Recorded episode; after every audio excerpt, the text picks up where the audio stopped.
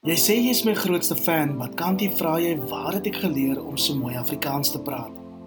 Jy noem jouself kamstige joernalis. Wat kan jy was jy voor dit 'n NG dominee? Jy dink jy is kaviaar? Wat kan jy jy viskuite? Jy verbeel jou jy's goed ingelig. Wat kan jy voor jy nog fake news? Hierdie potsending my braas nie vir jou nie. Dis vir die res van ons wat ernstig is oor die nuus, maar nie onsself ewe ernstig opvat nie. Hier is waarna jy vandag alles kan uitsien. 'n Kaapenaar sê hoe dit voel om vir ander mense te moet sê dat jy positief getoets het vir COVID-19. Ehm um, jy kyk altyd na ander mense en jy dink vir jouself uh, dit sal met ander mense gebeur nie jou nie. Met jouself nie. Uh, so vir my gaan dit altyd oor is jy weet jy wat nee? Dis 'n slegter ding fok hoekom ek. Ek vra vir 'n bekende politieke ontleder of hy nie ook dink dat Donald Trump die klits kwyt raak nie. Dis 'n politieke nar wat hier die toon slaan. Hy het nou maar gewen in die verkiesing Tegnies is hy die president. Hy het 'n uh, mate van mag, maar dis die beste manier om die krisis te bestuur is laat hom praat, sing en dans terwyl die regte besluite elders geneem word. Cyril Ramaphosa en Key hou 'n verenigde front voor teen die staat van inperking oor die koronavirus. Maar hoe lank gaan die vrede hou? Daai elemente in die ANC, soos Ismagashule en Dismeer, wat probleme het met president Ramaphosa en sy faksie weet vir 'n feit dat nou is nie die tyd om partytetiek te speel nie. En die hare vlieg oor 'n bekende TV-aanbieder se nabootsing van bruin vroue. Waar is baie nesere? Is dit nesere? Ja, dit baie mooi. Sien jy, jy gaan nou famous raak met die video. Oei, ja, wie wat? Ek het 'n goeie naam sang. Sing sing. Toelatjat. Toelatjat toe kwat. Ta. Die bosse pat is. Die bosse pat is wat. Ta. Ta.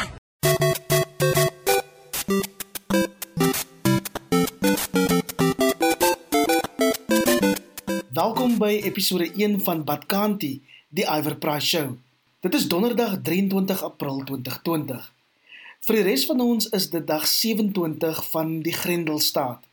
Maar is ook my 40ste verjaardag. In effek agter tralies oor hierdie fucking vieslike virus. Ek sit op my bed in die kleintydkamer in my ouer huis in die Kaap waar ek groot geword het. Maar ek kla nie, want meer as 2 miljoen mense is al wêreldwyd daardeur platgetrek en een van hulle is 'n 42-jarige man wat minder as 5 minute van my ouer huis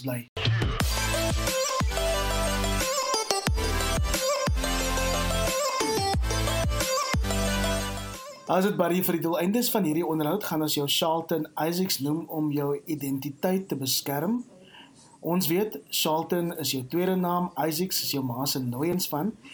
En my eerste vraag is eenvoudig: wat is die vloekwoord wat jy sal gebruik om COVID-19 te beskryf?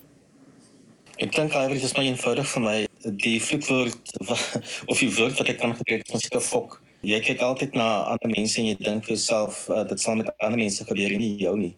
Met jouself nie. Uh, so vir my gaan dit altyd oor is jy weet jy wat nee? Dis 'n slegter ding fok om nie my kollega nie. Hoekom dan nou jy's ek fok? So anders as die meeste Suid-Afrikaners het jy die virus van die begin af kop toe gevat. Wat kan dit COVID-19 vir jou in 'n koffiewinkel lê en wag op die dag voor ons lockdown ingeskop het en ek onthou daai dag as 'n maldag want miljoene Suid-Afrikaners die wat dit kon bekostig het die winkels ingejaag om te gaan goedkoop. Jy weet planne in plek te sit vir 'n paar weke in lockdown. Wat is jou storie? Ja, kyk, ons het geweet dat dit gaan 21 dae wees, ek en my vriendin.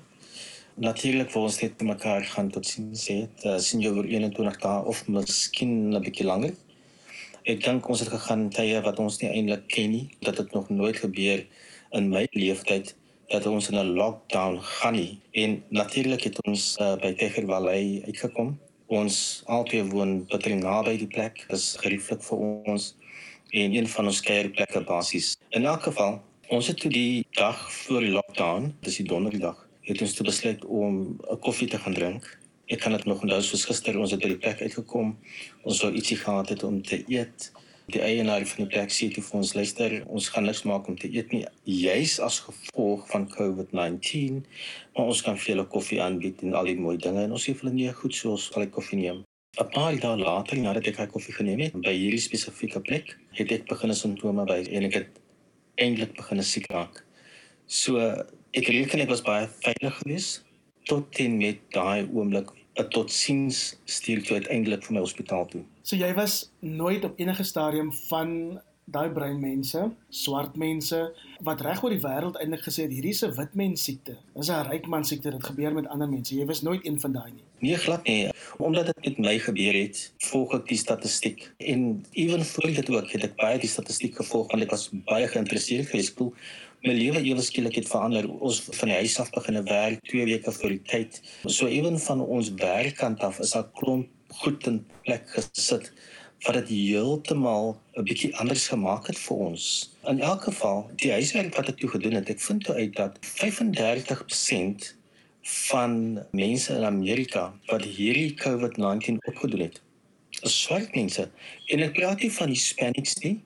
Ek praat nie van Indië nie. Ek praat net van African Americans. En dis 35% van daai siekte het daai mense opgetel dit is nie 'n kleur siekte nie. Dit is 'n siekte of 'n virus wat gaan vanaf mens tot mens. Hy gee nie om hoe jy lyk nie. Hy gee nie om hoe jy voel op daai dag nie. As dit jou tyd is om my ding op te tel en jy was 'n klein bietjie rukeloos, dan dit is jou tyd. Maar hy het geen kennis van kultuur nie. Hy het geen kennis van velkleur nie. Dit is 'n virus en hy soek 'n plek om te bly. Shelton, hoe sê mens vir jou geliefdes dat jy die virus het? is dit so moeilik soos wat ek maar net dink dit is om vir mense te sê hoorie mami ek het vigs hoorie my bra ek het kanker of is dit so maklik soos om jou baas te bel en te sê hoorie ek het griep of my maag is nie lekker nie ek bly vandag by die huis dit is 'n moeilike gesprek om te hê een van my kollegas het vir my 10 of so jaar gelede gesê you must know your audience en ek dink tog op so iets op groot nuus soos dit moet jy jou audience ken. Jy moet jou jou mense ken vir wie jy dan kan sê en hulle kan dit goed hanteer. So in my saak het ek gesels saam met my twee broers. Ek het vir hulle laat weet, luister, dit het gebeur in my lewe. Okay, ek sit met hierdie ding, maar ek is okay. Ek gaan hierdie ding fight soveel as wat ek kan. En ek het ook vir hulle gesê, julle sê nie vir ons ouers nie, want dit is nie wat ek wil hê nie. Omtrent so 15 jaar gelede was my pa gediagnoseer met kanker. En ek sê vir jou daai is nuus wat ek nooit ooit weer wil hoor nie. Ek onthou nog daai dag soos gister, as wat nog gister gebeur het. Dit was 'n baie moeilike tyd vir ons gewees. En ek reken vir my ouers wat nie COVID-19 verstaan nie, sal dit vir hulle 'n groot ding gewees het. En ek het dit spesifiek weggesteek want I know my audience. En toe ek eers oor die kurwe is en toe dit beter gaan saam met my toe vertel ek vir hulle daarvan. Toe sê ek ek het hierdie ding, ek sit by die huis met twee kinders se saam met my. Nee, daar's geen kontak tussen ons nie, maar ons is. Okay. Dan raak die gesprek makliker. Maar as jy moet vir hulle gaan sê van die woord gou af, luister, ek het COVID-19 met twee kindertjies as jy binne ons drie is alleen hierso. My ouers, hulle sal paniek, hulle sal beside hulle self wees. Jy moet jou mense moet jy ken vir wie jy hierdie ding oordra.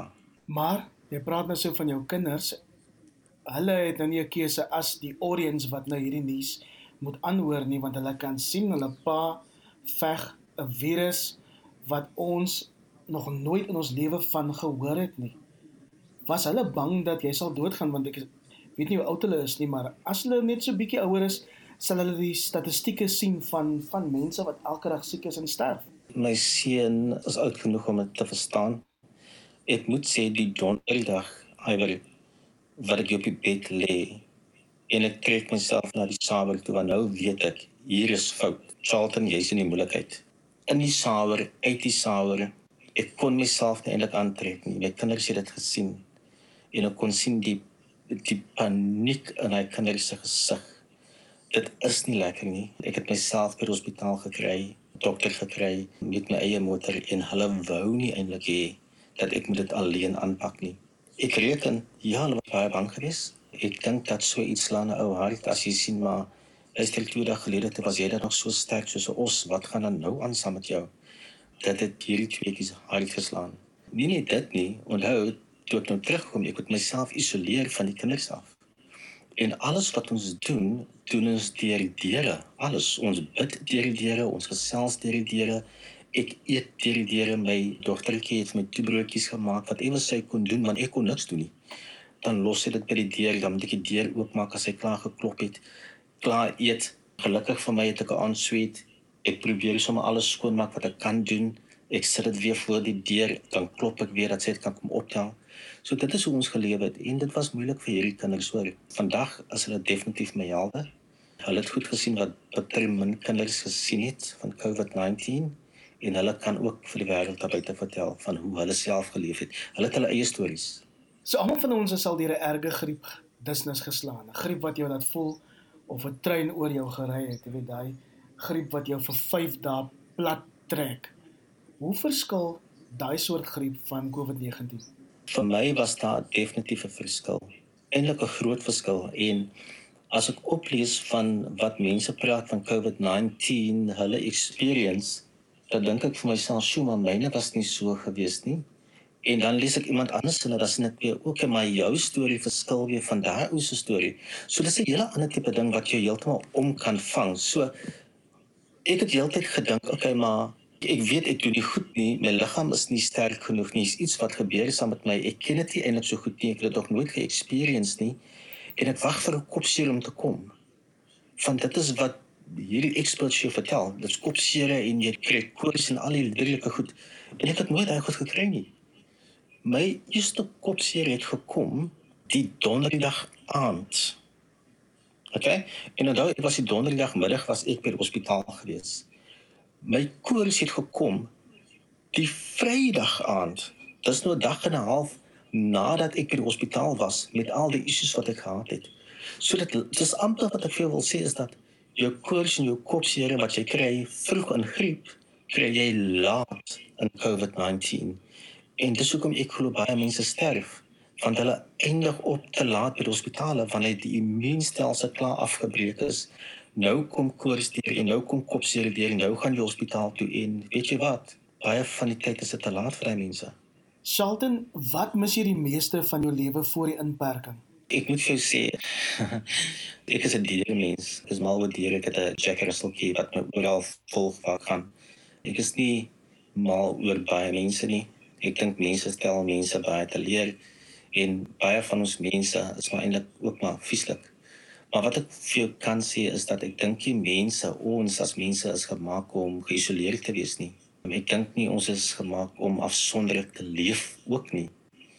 Ehm um, so ek mis kontak met mense. Ek het glad nie my ouers gesien vir die afgelope maand en 'n half amper nie. En ek is 'n ou wat hulle elke naweek sien. Al beteken dit net ek pop in vir 5 minute om te kyk hoe dit gaan saam met hulle. So ek mis daai, ek mis die kontak as my broer na my huis toe gekom het en hy het vir my kos afgelaai vir die kinders. Dan sal die kinders sê my broer is by die kant. Hy's net besig om gou kos af te laai vir ons. Dan dink ek myself, ek kan hom skaars sien ek kan skaars hallo sê vir my met hom bel om hallo te sê so daai te kom as ek dit mense kontak het ek gemis ek weet nie alwer as ons nou weer hierdie ding gaan oopmaak vir hoe lank ek gaan hou van die mense kontak nie maar natuurlik as ek ook my vriendin ons gesels elke dag oor die telefoon is dit net 'n fantastiese persoon wat in my lewe gekom het en hooplik kan ek die persoon binnekort sien So dit klink vir my of jy gereed is vir mense kontak en op die stadium van die geveg is die inperking nog amptelik tot die 30ste April, dis omtrent 'n week van vandag af. Maar wetenskaplikes sê ons het twee keuses. Of ons behou sosiale distansiering vir nog 'n paar maande, byt nog so 'n bietjie vas, of ons kyk potensieel toe hoe daar duisende mense sterf. Nou as iemand wat pas hierdie vieslike virus oorleef het, behoort ons regering die inperking op te skort of nie? Ek, ek dink as hierdie ding kom ons sê 10, 12 jaar gelede gebeur het, ek praat van voor die Zuma era, dink ek sou dit 'n baie maklike antwoord vir my gewees het. Ek dink ons het baie reserves gehad op baie oomblik om te kyk na 'n nasie. Ehm um, jou vraag is eintlik nou baie moeilik. Wat doen ons? Maak ons die land oop en laat COVID-19 versprei en lewens neem? of hou ons dinge soos dit nou is en laat mense honger ly want dit is 'n basies wat nou gebeur as ek kyk op social media wat aangaan hoe die ouens die winkels inbreek hoe die ouens die trokke stop en kos steel ons mense is honger hulle het nie geld nie 80% van hierdie land se mense spaar nie want ons het nie die ability om te spaar nie. Ons het nie genoeg inkomste om te spaar nie. So van daai kant af voel ek baie vir die mense. Ek dink die regering doen genoeg om te kyk na die mense nie. Ek praat nou net van vulnerable mense. Ek dink ons doen genoeg nie. Ek dink hulle kan beter doen op hierdie huidige stadium. Maar om jou vraag te beantwoord, ek dink dat die lockdown in my opinie soos dit nou lyk, miskien geëxtend moet word. Dit is miskien wat mense wil hoor nie, maar dit is genuine nodig. 'n Hongermaag vir die volgende 7 dae gaan moeilik wees. Dit gaan baie baie moeilik wees, maar ek verkies 'n hongermaag as 'n dooie persoon eigenlijk. Thanks Barry, ek waardeer jou tyd en die eerlike insigte. Charlton Isaacs is 'n 42-jarige kleinhandel-aankoper wat onlangs by die Cape Gate Medikliniek positief getoets het vir die nuwe koronavirus. En terwyl die res van ons amper obsessief elke stukkie wêreldnuus oor die pandemie opslurp, is daar 'n politieke ontleder wat nie sonder springmelies in die hand na Donald Trump op die TV kan kyk nie. 'n Mens kan eenvoudig nie meer glo wat als uit sy mond kom nie. Brilliant enemy. They develop uh, drugs like the antibiotics. You see it. Antibiotics used to solve every problem. Now, one of the biggest problems the world has is the germ has gotten so brilliant that the antibiotic can't keep up with it. And they're constantly trying to come up with a new. People go to a hospital and they catch, they go for a heart operation. That's no problem, but they end up dying from, from problems. You know the problems I'm talking about. Uh, there's a whole genius to it. we're fighting not only is it hidden, but it's very smart, okay? It's invisible. And it's hidden, but it's it's very smart. So anders as die president van die FSA, die meeste van ons al op laerskool geleer dat 'n antibiotika redelik nutteloos teen enige virus is. Laat staan nog een so kompleks, so dodelik so SARS-CoV-2. Dis die wetenskaplike naam van die koronavirus wat tot die huidige pandemie gelei het. En as jy my nie glo nie, Hier is Anna Lourens. Sy's 15 jaar oud en Evan Rosant, hy's 14 jaar oud. Ek dink dit is belangrik om altyd by die feite te bly en nie fake nuus te versprei nie. Veral in tye soos die pandemie waar almal die hele tyd waaraan nuus soek oor wat in die wêreld om hulle aangaan. Ek dink dit is verskriklik dat in Amerika se geval kom die fake nuus van 'n landleier, soos in die geval van die antibiotika. Antibiotika kan nie virusse doodmaak nie. Dit kan wel sekondêre infeksies behandel. Ek is nog nie in 16 nie en selfs ek weet om eers iets te fact check voordat ek dit versprei. So what I heard is Donald Trump thinks antibiotics can cure viruses, which is not true. Antibiotics kill bacteria, not viruses. This is because bacteria and viruses have different mechanisms to how they work, survive, and replicate. Personally, I think Donald Trump should think before he speaks. This is what happens when you buy the election Professor Antoni van Nieuwkerk is 'n politieke wetenskaplike verbonde aan Witse skool vir regeringskunde.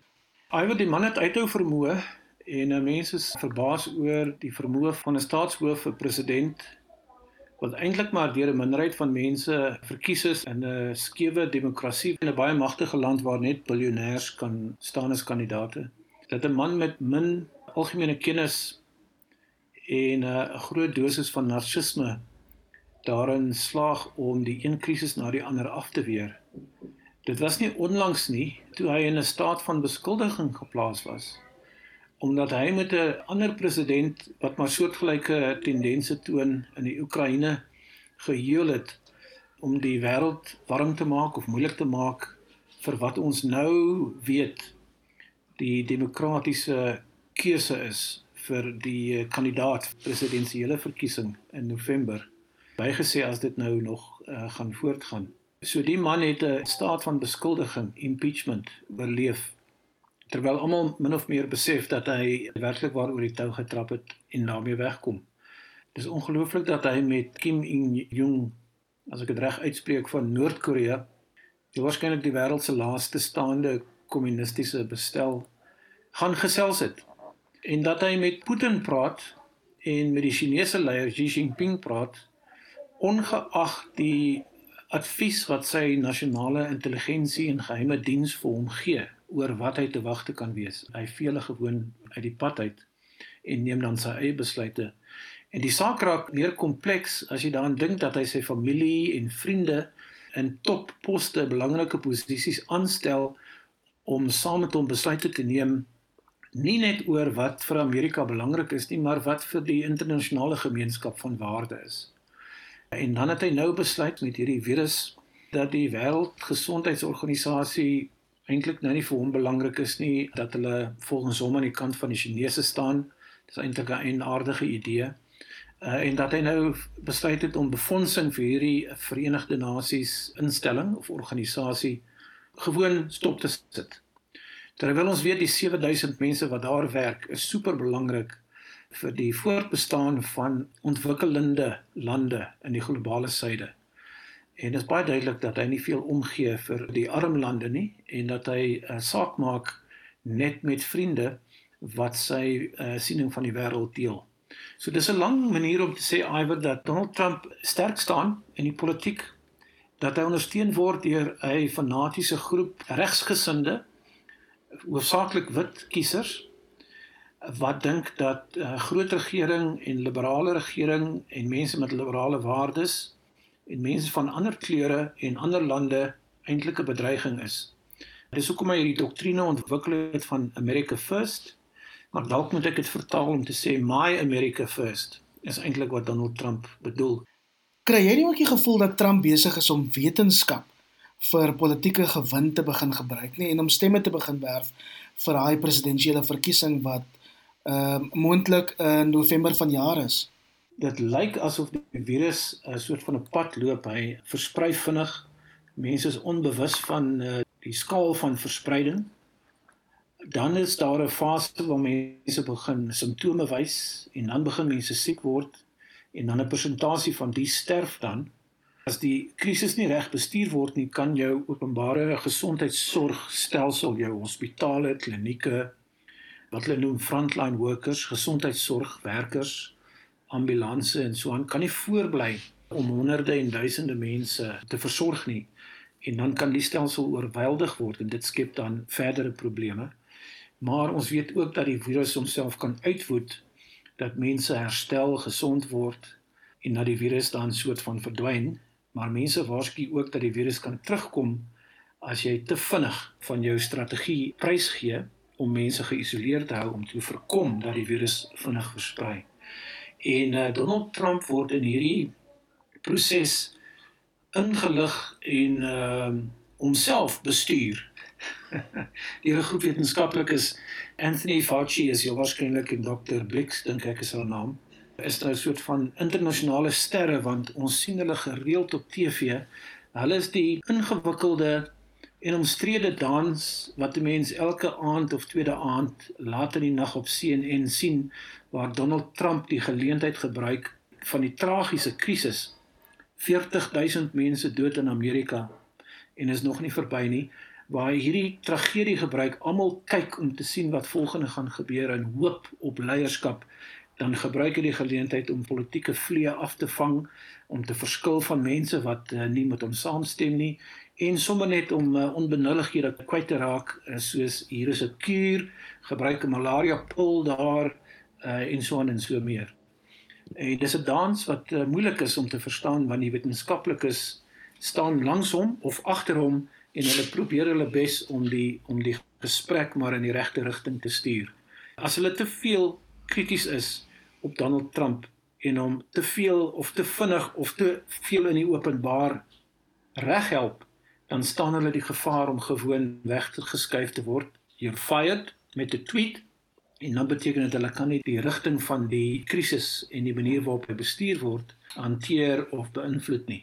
So dis 'n moeilike een en uh trouens as ek kyk na die vertoning van die man en ek moet sê oor tyd word hy meer en meer bazaar in die tipe van uitsprake wat hy maak, dan besef ek dit maak nie regtig waar saak iwer wat hy sê of wat hy doen nie. Want as die span wetenskaplikes wat langs en agter hom staan nie na die tyd die regte besluite deurvoer in samewerking met ander leiers elders in die staat nie, uh goewerneurs spesifiek, dan dink ek as daai laag van bestuur wegval, dan uh, het Amerika werklik ware probleem.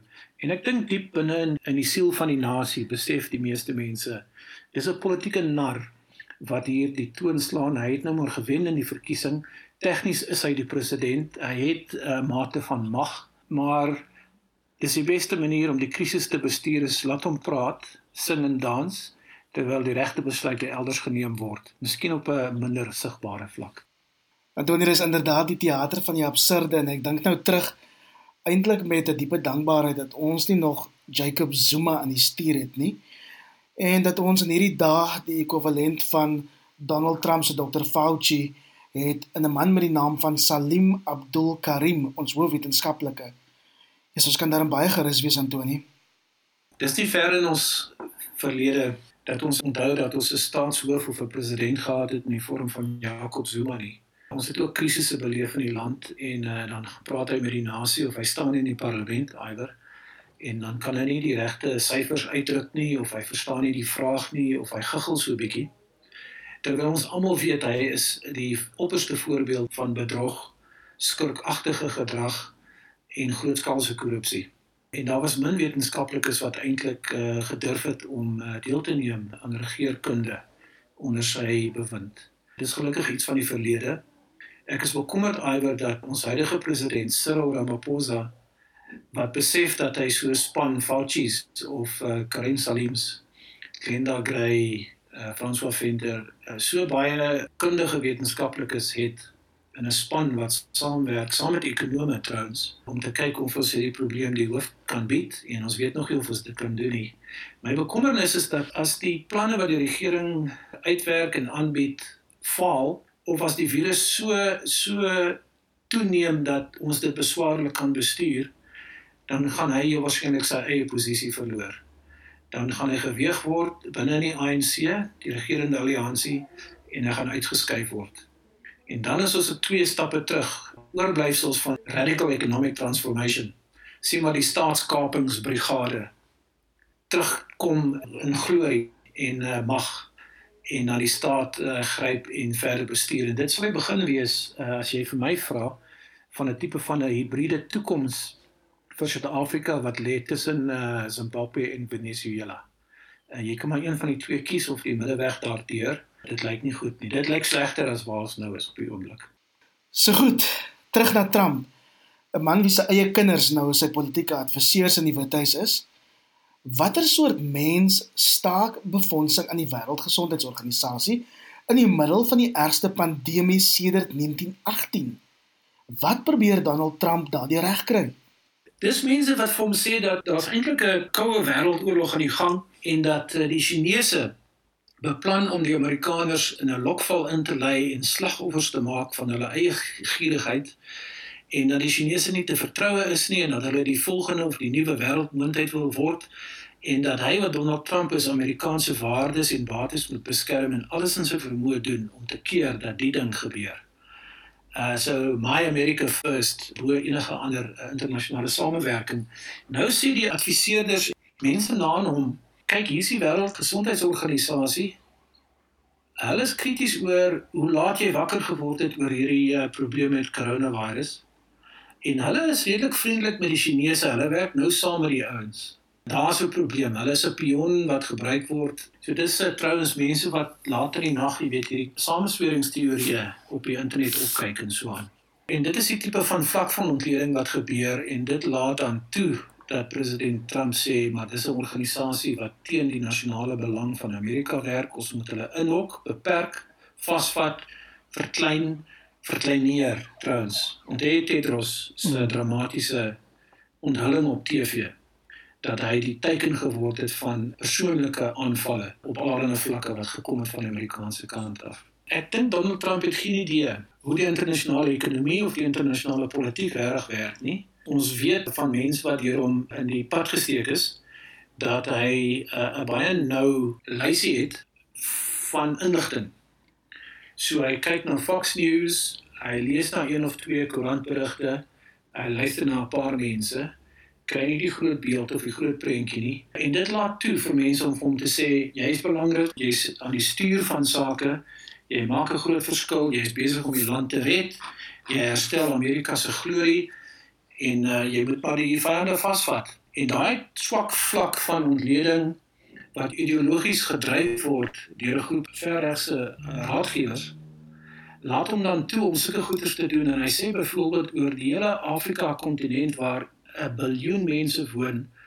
Hy vloek ons en gebruik baie sterk ek wil dit nie eintlik herhaal nie.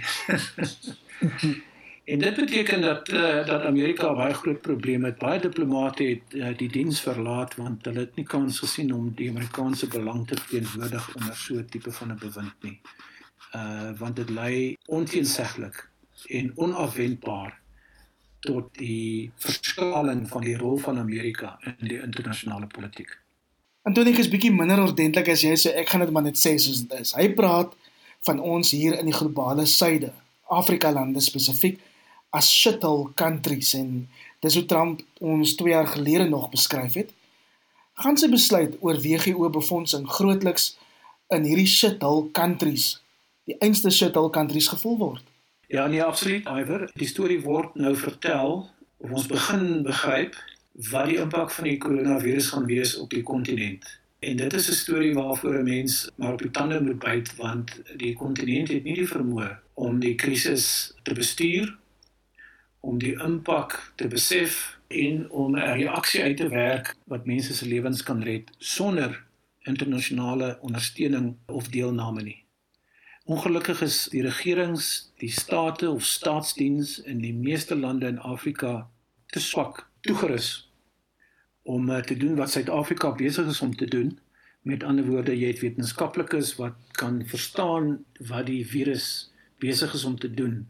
Uh, hulle het die vermoë om data in te samel en te vertolk en vir besluitnemers te verduidelik in 'n eenvoudige taal. Hier is die volgende 3 of 4 keuses wat voor julle lê. Dit beteken dat as die virus eksponensieel gaan versprei in Afrika, dan gaan dit heel waarskynlik honderde duisende indien nie miljoene mense nie se lewens dramaties beïnvloed.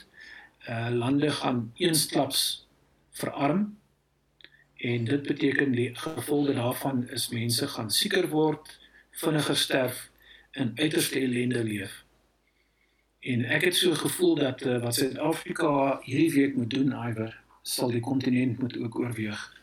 Enige groot projek wat uh, geld kos met internasionale samewerking en ontwikkelingshulp, byvoorbeeld kom ons bou 'n nuwe dam of kom ons rig 'n nuwe radarstasie op of kom ons uh, uh, uh, skenk 'n nuwe parlementsgebou vir 'n uh, land.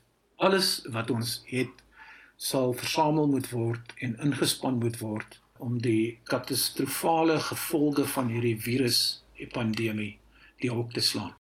As Afrika so getref word en so gaan verval, dan gaan dit ons in Suid-Afrika direk raak. En omdat ons die voorsitter is van die AU, van die Afrika Unie uh, hierdie jaar, lê dit op ons skouers om te doen wat ons kan om uit te werk hoe die kontinent hierdie saak beter kan bestuur. Altyd lekker om met jou te gesels professor Antoni van Nieuwkerk van Wits se skool vir regeringskunde.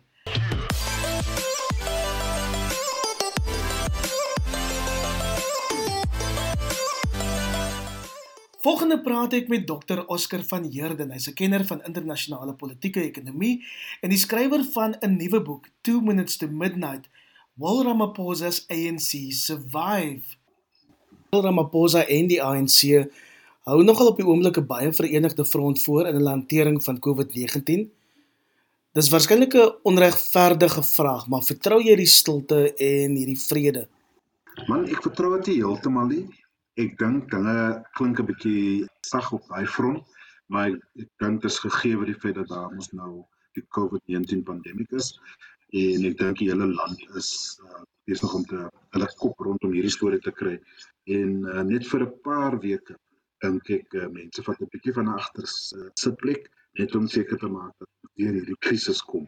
Maar ek dink nie mense in die ANC en die faksies in die ANC uh, het versoening gevind Sy so, boek fokus op die politieke drama van 16 tot 29 Desember 2017 dis nou tydens die ANC se Nasrek verkiesingskonferensie En ek lees in die Daily Maverick dat jy nie gedink het dat die Ramaphosa groepering 'n kat se kans gestaan het nie. Het dit vir jou 'n bietjie gevoel of hulle met 'n mes na 'n skietgeveg toe kom nie? Ja, nee presies. Kyk, die boek het 3 dele. Deel 1 oor die 2019 verkiesing. Ek sien daai link wat gebeur het by Nazareth en die feit dat Ramaphosa toe wel gewen het en die feit dat die ANC tog die 2019 algemene verkiesing gewen het met uh, 57% as die uitkom van die Nazareth konferensie Zuma se kandidaat was uh, in terme van Nkosazana Dlamini Zuma dan dink ek die ANC sal baie pak gekry het in die algemene verkiesing. So die boek begin met met die algemene verkiesing, hoe dit gegaan, die oorgrootste meerderheid van die ANC persentasie gewys het natuurlik nou afgekom na 57% toe, maar ek sê tog dit is gegee vir die feit dat die gesig van die ANC was Cyril Ramaphosa en dis hoekom die ANC toe nou daai persentasie gekry het. Deel 2 van die boek dan is die, die Nazareth konferensie en ek vat regtig die leser saam met my in terme van hoe ons daar kom op dag 1 wat het gebeur, wat was die atmosfeer en so aan. En en jy's reg, toe ek daar instap albe, ek kon gesien het dat weer eens ehm um, gaan die uh, my kandidaat verloor. Uh, CR17 se kamp was definitief ongeorganiseer. Jy weet hulle het nie geweet hoe om my konferensie te hanteer nie. Jy kan dink hoe verras was ons toe ons nou hoor dat hy eintlik gewen het met uh, 179 stemme uh, maar wen is 'n wen soos hulle sê. En dan deel 3 van die boek is regtig om te sê nou dat Ramaphosa hierdie hierdie geveg gewen het, um, met groot challenges, uh, hoe gaan hy dit doen en watter leierskap kan ons verwag van hom? En so deel 3 praat 'n bietjie van die persoon. So dis die dis die boek. Oscar, hoe verander Ramaphosa se goeie hantering van die COVID-19 krisis sy kansse op politieke oorlewing want dinge het nou skielik verander. Jy weet, dis 'n ander president wat nou hier um, aan die stuur van sake is in hierdie land. Ek dink baie van jou luisteraars sal ook hoor en en, en saamstem dat die manier hoe hy hierdie krisis hanteer het van dag 1 is uh, fantasties. 'n Goeie leier. Hy het ons as 'n nasie in vertroue ingevat. Hy en sy kabinet, die minister van gesondheid, deel alle inligting met ons hulle vat ons saam met hulle in terme van hulle besluitneming en ek dink vir die eerste keer voel Suid-Afrikaners dat hulle is deel van hierdie uh, operasie. Hulle weet daar's 'n krisis. Hulle weet ons moet saamtrek en ons kan dit sien. Nie net in terme van wat die regering doen, uh, in terme van kos wat ons wat hulle aanbring vir vir die armes en so voort. Baie mense op hulle eie het ook nou verskillende inisiatiewe gevat um, som het geld gegee vir die solidariteit van maar anders doen ook hulle eie om mense te help en en waar hulle kan help. En ek dink daar's net 'n hele samentrekking van mense in Suid-Afrika wat sê ons het 'n krisis ons ondersteun die president en die kabinet. Ons wil wys dat ons kan saam staan. En ek dink dit is wat gebeur. Baie dankie dokter Oscar van Heerden. En dit bring ons amper aan die einde van episode 1 van Badkanti die Iver Price show Maar eers wou ek by die TV-aanbieder Ingrid Jones en bekende joernalis hoor wat sy gedink het van Lala Hiramya se verskoning. Ja, 'n TikTok video waarin sy bruin vroue stereotipeer. Ek weet Lala het intussen daarvoor verskoning gevra. Ehm um, ja, maar dis asof bruin mense nog ongemaklik is en ek verstaan dit daaroor. Kom ons hoor wat Ingrid daaroor op die hart het het ek gehoor of gesien van Lala Hirayami se hoe sy probeer het om op TikTok ehm um, die stereotype wat daar oor bruin vroue bestaan ehm um, inhoud te gee. En soos wat sy agtergekom het, het dit geval.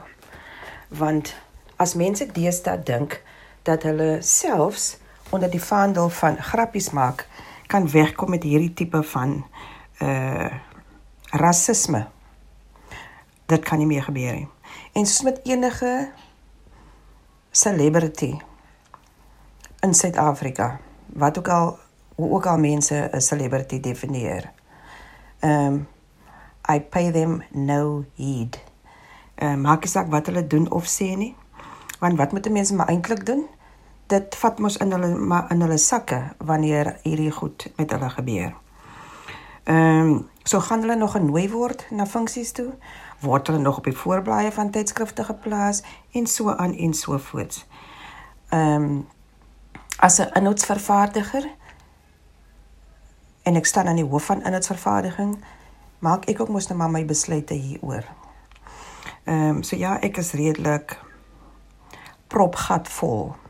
Ehm um, en wat corona besig is om te doen is dat die onderrok van baie mense mos nou maar uithang want hulle dink hulle daar is 'n eter waaraan hulle maar net kan praat en sê wat hulle wil. Toe nou nie. Elke onderrok wat uithang sal deesdae aan die groot klok gehang word. So mense moet maar versigtig wees ehm uh, wat hulle sê. Dis soos wanneer iemand dik dronk is en goed sê dan sê hulle ag, hy was maar dronk. Nee, dit is die goed wat in jou onderbewuste lê wat maar in elk geval uitkom. So my posisie hieroor you must do what you must do. En dan die joernalis en televisiepersoonlikheid Ingrid Jones. Dit bring ons aan die einde van episode 1 van Badkanti die Iver Price Show. As jy daarvan gehou het, deel dit gerus met jou vriende, familie, vyande op WhatsApp, Twitter, Facebook, waar ook al. En as jy nie daarvan gehou het nie, hou dit eerder vir jouself want dit is vandag my 40ste verjaardag en ek gaan probeer om die beste daarvan in lockdown te maak. Groete tot volgende donderdag aan.